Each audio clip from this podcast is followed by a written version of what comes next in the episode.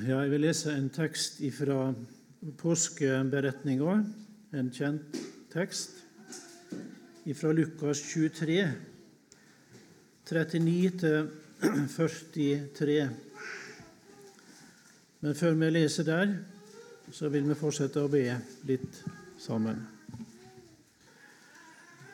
Kjære Herre Jesus, vi ber enda en gang om at du vil velsigne stunda for oss og være her med din gode Hellige Ånd og levendegjøre Ordet og gjøre det klart for våre hjerter, Jesus. Amen.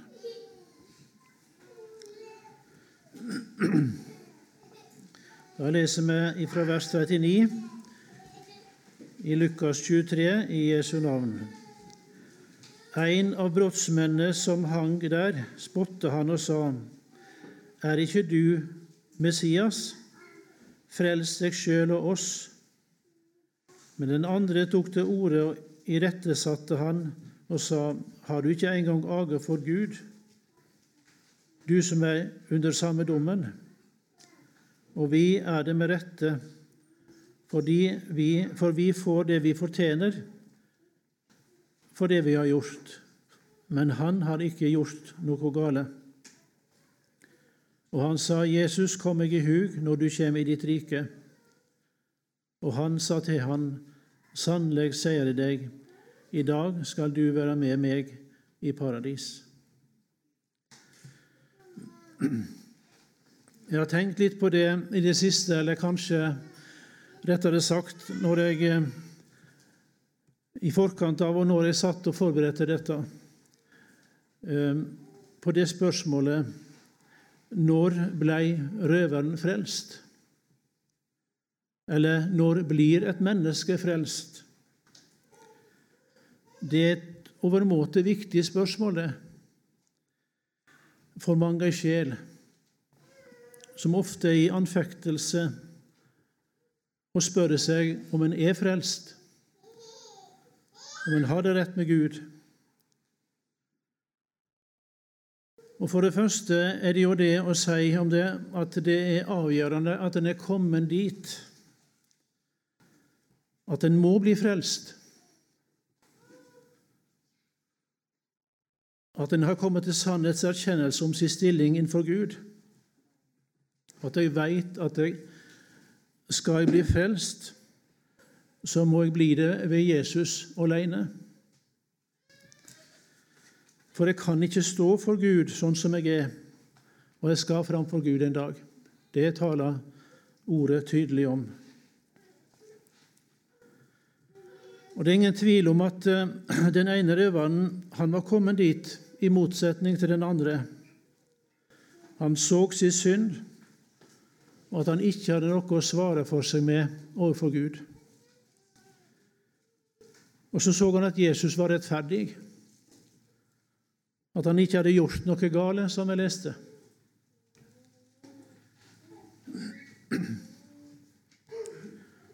Og Vi må vel også forstå det sånn at han var begynt å få se at det var en død for andre Jesus lei der han hang, midt imellom disse to røverne. Han hadde nok fått med seg mye av det som var sagt før og under korsfestelsen, og kanskje tidligere òg. Det tror jeg det er grunn til å anta. Ja, Han hadde fått sett mye, for han bekjenner jo òg trua på Jesu oppstandelse og himmelfart. Jesus kom meg i hug når du kommer i ditt rike, sier han jo. Den forutsetningen at han tror at Jesus skal stå opp og fare tilbake til sitt rike, det som han sier der. Men vi kan vel ikke si at han hadde kommet til ro og hvile for sin egen del, på en måte. At han var viss på at han fikk være med Jesus hjem. Det tror ikke det går an å si. Når han ba Jesus om en tanke. Hvordan kan det skje at et menneske, og det er en forbryter som denne var, kan komme til ei så stor forandring på så kort tid. Vi hører jo hos en av de andre evangelistene at han var med og spotte han òg i begynnelsen. Røverne òg, som var krossfestet sammen med han, håner han på dette viset, står det i Matteus 27, 44. Hvordan kan det skje at et menneske kan gjennomgå en så fundamental hjerteforandring som dette? For det er jo en forunderlig forandring som skjer. Fra å være en hard og utilgjengelig spotter uten erkjennelse av sin egen tilstand og sin egen synd, til å bli en med en tilstoppa munn, en hjelpeløs som bare har nåden å ty til, og ingenting annet. For, for sånn var det blitt for han. Vil du tenke på meg, Jesus? Vil du huske på meg når du kommer i ditt rike? spør han. Det var hans eneste håp nå. Våpenet er lagt ned. murene er rasa, dør og hjertedør er slått opp på vid vegg. Om bare Jesus kunne komme inn. Sånn var det blitt for han. Den døra som Jesus sikkert hadde banka på før, men fått nei. Og det er åpen adgang for Frelseren inn i hjertet hans. Og det er vel ikke noe annet svar på det enn at det er Gud som gjør noe med et menneske når det skjer slikt som dette. Når slikt skjer med et menneske. Det er Den hellige ånd som overbeviser om synd og om sannhet, og som tenner troens gnist, som begynner å rope på Han som alene kan berge. Han som allerede har ordna alt, eller var i ferd med å ordne alt på Golgata. Og Det var jo så visst at det, alle, det var som det allerede var ordna på det tidspunktet. Slik at det bare er å komme. For alt det som nå ble så annerledes for denne røveren, det hadde han nok hørt før og visst om før. Kunnskapen eller forkynnelsen, om du vil, kom ikke først nå. Men før denne stund så hadde den møtt en hard vegg, et uimottakelig sinn, og blitt avvist. Men så fikk Guds ånd slippe til, og da ble det så helt annerledes. Da ble han en synder, og munnen fikk en helt annen tale. Aschenfeldt Hansen skriver i Gulvgruben om noen som dekka seg mot vitnesbyrdet. Og det syntes jeg ble så talende et uttrykk i negativ lei, i negativ forstand. Det er i forbindelse med Salme 12 han bruker det uttrykket. Og det taler om noen som fer med store ord og falske ord og fine talemåter og løgn òg og på den måten dekker seg mot vitnesbyrdet. Akkurat som de har en, en skjerm framfor seg som vitnesbyrdet treffer, men de når ikke inn til dem. De dekker seg mot det. Altså mot Guds ord og sannheten. Og så er jo egentlig Jesus djupest sett vitnesbyrdet. Det står det i 1. Johannes 5,11. Og dette er vitnesbyrdet at Gud har gitt oss evig liv, og dette liv er i Hans Sønn. Så alvorlig er det å dekke seg mot vitnesbyrdet. Med fine talemåter og sin egen heimesnekra kristendom, eller de rette meninger, om så skulle være. Om en slik dekker seg mot Åndens lys innover sitt liv så en ikke blir en synder og forblir en synder som må bli frelst av nåde, og av nåde alene. I djupeste forstand så dekker en seg altså mot Jesus sjøl, for han kan ikke frelse annet enn syndere. Og det er bare de som er sjuke, som trenger til lege. sier han en plass. Det er noe uendelig stort som skjer, og noe uendelig fint som skjer når et menneske under Åndens lys blir en synder, og så vender seg til Jesus i bønn om nåde, om frelse. Hallesby han sier i boka si 'Den høyestes skjul' at det i alminnelighet ikke vekker mye oppsikt her på jord når en synder kommer i nød og begynner å kjempe for sin frelse. Men i himmelen følger de dette med den mest intense oppmerksomhet, sier han. Og Så viser han til Lukas 15, der det står om gleden i himmelen når en synder blir funnet av den gode hyrde. Og til Hebreerne 12,1, der vi leser om de mange vitner til Guds barns vandring på jord, og også for den som skal inn i Guds rike og er på vei inn der. Når blei røveren frelst? Eller når blir et menneske frelst?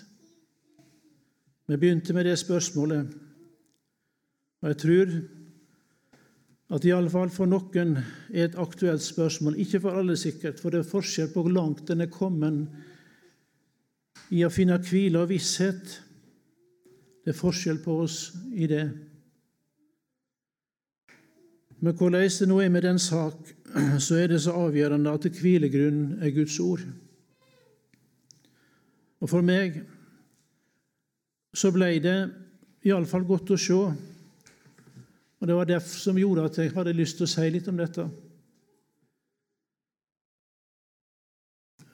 og for å se det sånn at røveren ble frelst i det øyeblikket han vendte seg til Jesus. Og jeg vil si han var frelst før han fikk høre tilsagnet fra Jesus. Sannelig sier jeg deg, i dag skal du være med meg i paradis. Han var frelst før det. Han var frelst idet han vendte seg til Jesus. Det tilsagnet og den vissheten som sikkert det gav han, og det personlige tilsvaret for Jesus hører med. Det skal en søke og be om å få, og det skal en òg få i Guds time. Visshet om at en er frelst, er det normale, og Guds ord regner med at Guds barn skal ha visshet. Dette har jeg skrevet til dere, så dere skal vite at det har evig liv, det som tror på Guds sønns navn skriver Johannes i 1. Johannes 5, 13. Men det som Guds ord sier om, om når en blir frelst, og hvordan det skjer, er jo det avgjørende, og ikke vissheten i seg sjøl. Nei, for vissheten er jo nettopp en følge av Guds ord. Å bygge på Guds ord, har sin grunn i ordet, har en ikke det, så er det ikke noe sann frelsesvisshet. Og når det er slik at røveren ble frelst før han fikk tilsagnet eller svaret for Jesus, så er det fordi det aldri var noe tvil om svaret. Det var aldri noe tvil om svaret. Svaret var gitt fordi ordet taler sånn. Gud har sagt at slik er det, og han står ved sitt ord. I Romane 13 står det:" For hver den som kaller på Herrens navn, skal verta frelst. Og I Johannes 6, 37 står det sånn:" Alle de som Faderen gjev meg, gjev meg, kjem til meg, og den som kjem til meg, vil jeg slett ikke støyte ut. Lars Eridsland har i andagsboka si 'Mesteren er her' en andakt over dette ordet i Johannes 6, 37, som jeg siterte nå. Og Jeg veit jeg har hatt det framme før, sikkert mer enn én en gang òg, men jeg syns det er så godt og rett uttrykt der at jeg har lyst til å ta det med igjen. Han sier det finnes neppe noen, noe ord i Bibelen som bedre karakteriserer dem som hører Herren til, enn disse tre ordene 'den som kommer'. Den som kommer. Slik var det de ble frelst inn i hans samfunn. De orket ikke lenger gå fra ham, og så snudde de om og kom til ham. De var på mange måter forskjellige, disse som kom. De hadde ikke like mye synserkjennelse, ikke like mye syndenød, ikke like mye tro. Men de, de var felles i dette at de kom, og at de ble mottatt av ham de kom til. For han sier, 'Den som kommer til meg, vil jeg ingenlunde støte ut. Slett ikke, betyr det. De var altså forskjellige i mange ting, som jeg leste ifra, eller sitert fra Edelsland. Men de hadde to ting felles, to ting som kjennetegna de. De kom til Jesus, og de ble tatt imot av Jesus. Og De to ordene har Edelsland skrevet i kursiv for å understreke dem. De kom, og de ble mottatt. Og de er like visse og sikre, begge to. For ordet sier det. Og slik får vi òg lov til å tenke om røveren, om oss sjøl ut fra ordet, at han tar imot den som kommer. Og så er en frelst. De gamle haugianerne de sa å tru er å komme til Kristus med sine synder. Hallesby kaller det et glimrende uttrykk for å forklare trua. Kortere, enklere og dypere kan det visst neppe sies, skriver han i boka si. Å tru er å komme til Kristus med sine synder. Jeg har lyst til å ta med en annen beretning òg. Og Det er fra Lukas det også, kapittel 18, vers 9-14. Det er en likning om tollmannen og fariseeren som gikk opp til tempelet for å be. Det er òg et kjent avsnitt, men vi leser disse versene. Det er ikke så mange. Han fortalte også denne likninga til noen som leit på seg sjøle at de var rettferdige, og så ned på de andre. To menn gikk opp til tempelet for å be. Den ene var en fariseer, og den andre en tollmann. Fariseeren sto for seg sjøl og ba såleis:" Jeg takker deg, Gud, fordi jeg ikke er som andre mennesker, røvere, urettferdige horkarer eller som denne tollmannen. Jeg faster to ganger i veka og gjev tiden av alt jeg tjener. Men tollmannen sto langt borte han ville ikke engang løfte augo mot himmelen, men slo seg for bringa og sa, Gud, vær meg synder nådig. Jeg sier dykk, denne og ikke den andre gikk rettferdiggjort heim til huset sitt. For hver den som setter seg sjøl høgt, skal settes lågt, og hver den som setter seg sjøl lågt, skal settes høgt. Tenk å få den attesten av Jesus. Få gå rettferdiggjort hjem til huset sitt. Eller få gå rettferdiggjort til sengs om kvelden. Eller stå opp rettferdiggjort om morgenen.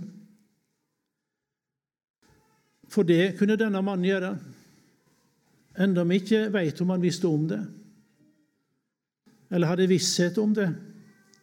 For det står ikke noe om det i det Jesus forteller her.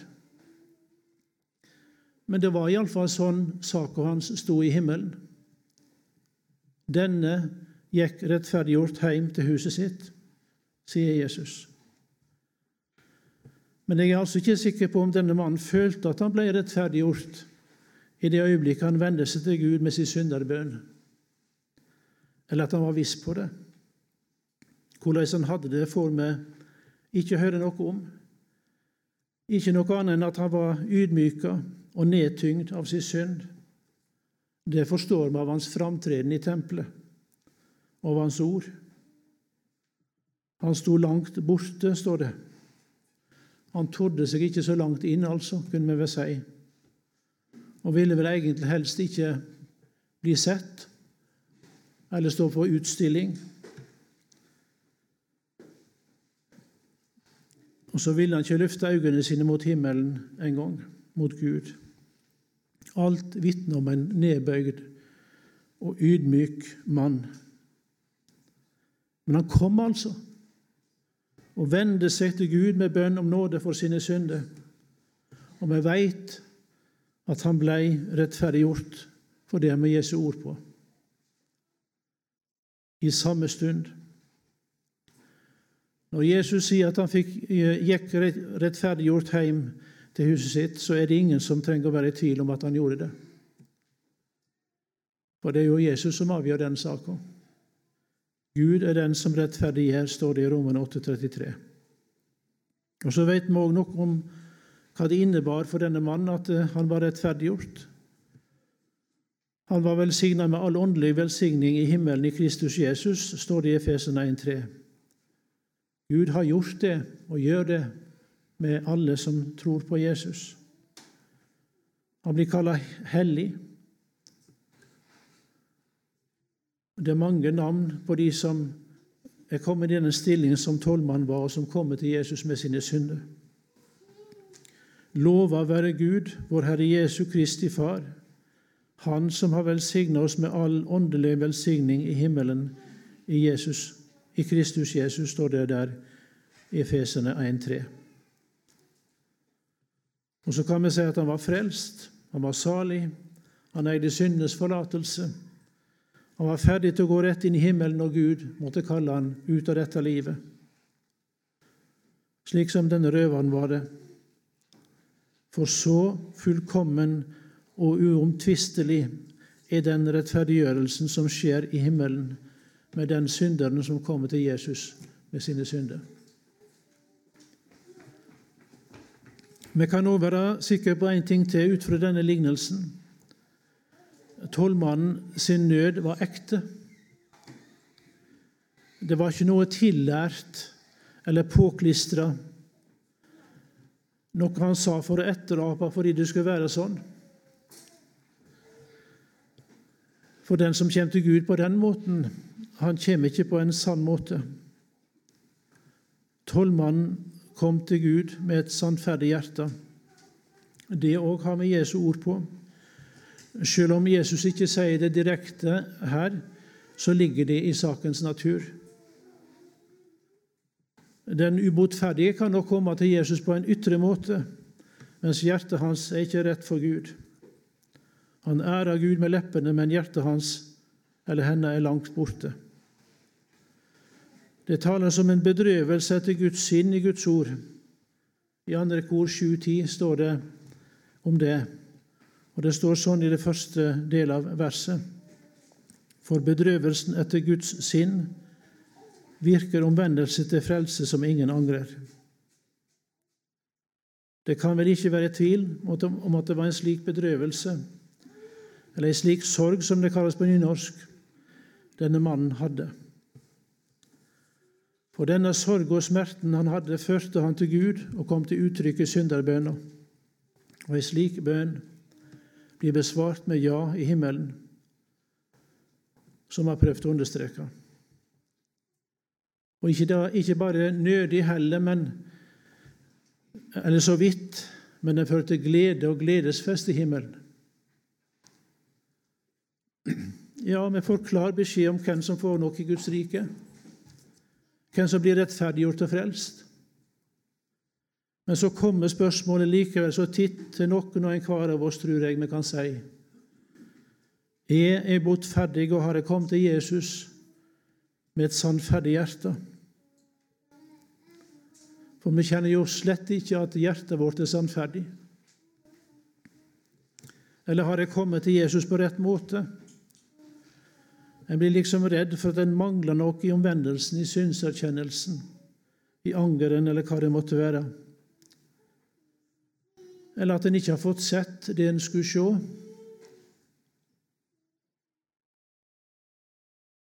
Hvis en har det sånn og tukler med sånne spørsmål, da tenker jeg det går an å spørre sånn Tror du tollmannen syntes han kom til Gud på rette måten?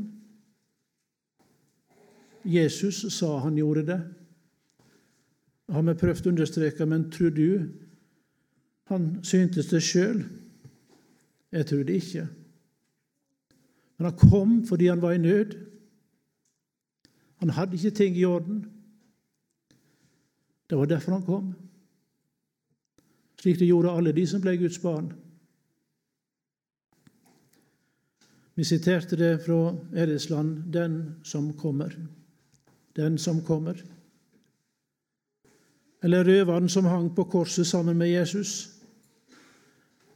Syntes han han hadde ting i orden, at han kom til Jesus på rette måten? Nei, jeg tror ikke det. Men han var kommet dit han måtte bli frelst av Jesus alene. Derfor kom han. Og den som kommer sånn, den blir ikke vist bort. Og det er, nett, det er jo nettopp den som har det slik vi snakker om i denne talen. Den som ikke har noe i orden, han eller hun veit bare at de må bli frelst av Jesus alene. Og så vender de seg til Han slik som de er. Og da kan de vite for visst at de blir tatt imot. Til den som har det sånn, så skal det lyde det er ikke noe som må bli annerledes først. Du får komme som du er. Sjå, jeg har stelt i stand måltidet mitt. Oksene og gjøfe er slakta, og alt er ferdig. Kom til bryllupet. Slik sies det i ligninga om bryllupet til kongesønnen i Matteus 22. Og I beretning om det store gjestebudet i Lukas 14 lyder det Kom, for nå er det ferdig. Det er altså ikke du og jeg som skal få noe ferdig, eller få noe i orden. Nei, vi skal få komme på noe som er ferdig, og til noe som er ferdig. Og slik er det ikke bare første gangen jeg fikk komme, men slik er det dag for dag og stund for stund inntil jeg er hjemme og evig berga. Derfor ble røveren og tollmannen frelst i det øyeblikket de vendte seg til Jesus. For alt er ferdig. Så har jeg lyst til å lese en liten brosjyre helt til slutt. Noe, en del av den iallfall. Jeg har hatt den òg framme før, det vet jeg, så det er sikkert mange som har hørt den før. Men jeg syns den òg er så fin og så rett at jeg har lyst til å gjøre det enda en gang. Den er skrevet av en forkynner som heter Johannes Dåsvann. Han eh, var en eh, landskjent forkynner fra Agder som virka på første halvdel av 1900-tallet i Norge, hele Norge, og, og en del i Amerika og Canada. Og Han forteller om en ung mann som kom til han for å søke hjelp. Og Traktaten den heter 'Kan jeg komme som jeg er?' Og Det er et uttrykksfullt bilde av denne mannen, denne ungdommen, på framsida, men den ser ikke det så godt. Men den understreker denne nøden som han var i. En, en ung mann kom til meg for å få en samtale. Han fortalte hvordan han i lengre tid hadde strevet for å bli et bedre menneske, og det står i gåseøyne. Men jo mer han kjempet for å bli bedre, syntes han bare å bli verre. Nå var det et spørsmål han ville stille meg. Kan jeg komme til Gud slik som jeg er? Han ventet spent på svaret. Det var som han ville si, dersom jeg ikke kan få komme slik som jeg er, som jeg er, så gir jeg opp det hele, for jeg får det ikke til. Jeg svarte først med å sitere den kjente sangen av Charlotte Elliot. Just som jeg er, ei med et strå av egen grunn å bygge på, kun uforskyldt din nåde få. Jeg kommer, o Guds lam, til deg. Just som jeg er så uberedt i synd og skam, i vondestett, la blodet rense bort hver plett. Jeg kommer, o Guds lam, til deg. Han hadde nok hørt denne sangen før, men den ble som ny for ham. Han slukte hvert ord. Jeg kan altså få komme til Jesus som jeg er. Ja, det kan du. Hvordan skulle du ellers komme? Er det ikke den syke som går til legen? Er det ikke den sultne som setter seg til det dekkede bord? Er det ikke den skitne som trenger til å vaske seg? Og er det ikke den fattige som trenger hjelp? Så nevnte jeg flere av Herrens klare innbydelser for ham. Kom, la oss gå i rette med hverandre sier Herren, om eders synder er som purpur, skal de bli hvite som sne. Jesaja 1,18. Kom til meg, alle dere som strever og har tungt å bære, og har det tungt, og jeg vil gi dere hvile. Matteus 11,28. Om noen tørster, han komme til meg og drikke. Johannes 7, 37. Den som kommer til meg, vil jeg slett ikke støte ut. Johannes 6, 37. Av disse ordene ser du at syndere som strever og har det tungt, kan få komme slik som de er, og få nåde. Ja, jeg ser det. Jeg kunne merke at Guds Hellige Ånd fikk forklare evangeliets hemmelighet for ham. Vi hadde en bønnestund sammen og takket Herren for at Han virkelig tar imot oss slik som vi er. Så lot de ham si det siste vers av samme sang, just som jeg er, dog nå jeg tror hva du har lovet i ditt ord. Jeg tror, jeg tror ditt løftesord, og kommer, o Guds lam, til deg. Jeg ba ham trenge inn i Guds ord og bygge sin frelse på ordet alene, og ikke på de skiftende følelser. Likeså ba jeg ham å gi mat til sitt nye liv ved daglig å omgås med Kristus i ordet. Og bønnen, Han som har sagt 'Jeg er livsens brød'. Til deg som leser disse linjer som ennå ikke er kommet til Kristus, vil jeg si det samme som til denne unge mannen. Du kan få komme til Herren slik du er. Det vil vi takke deg for, Jesus, at du har ordna det så fullt og helt for oss at vi kan få komme slik som vi er til deg. Så ser du vi har så lett ofte for å gjøre det for vanskelig, Herre. Det som du har ordna opp i alt i hop. La oss få se inn i evangeliet og finne hvile der, og bli i det, Jesus. Det ber vi om for oss alle.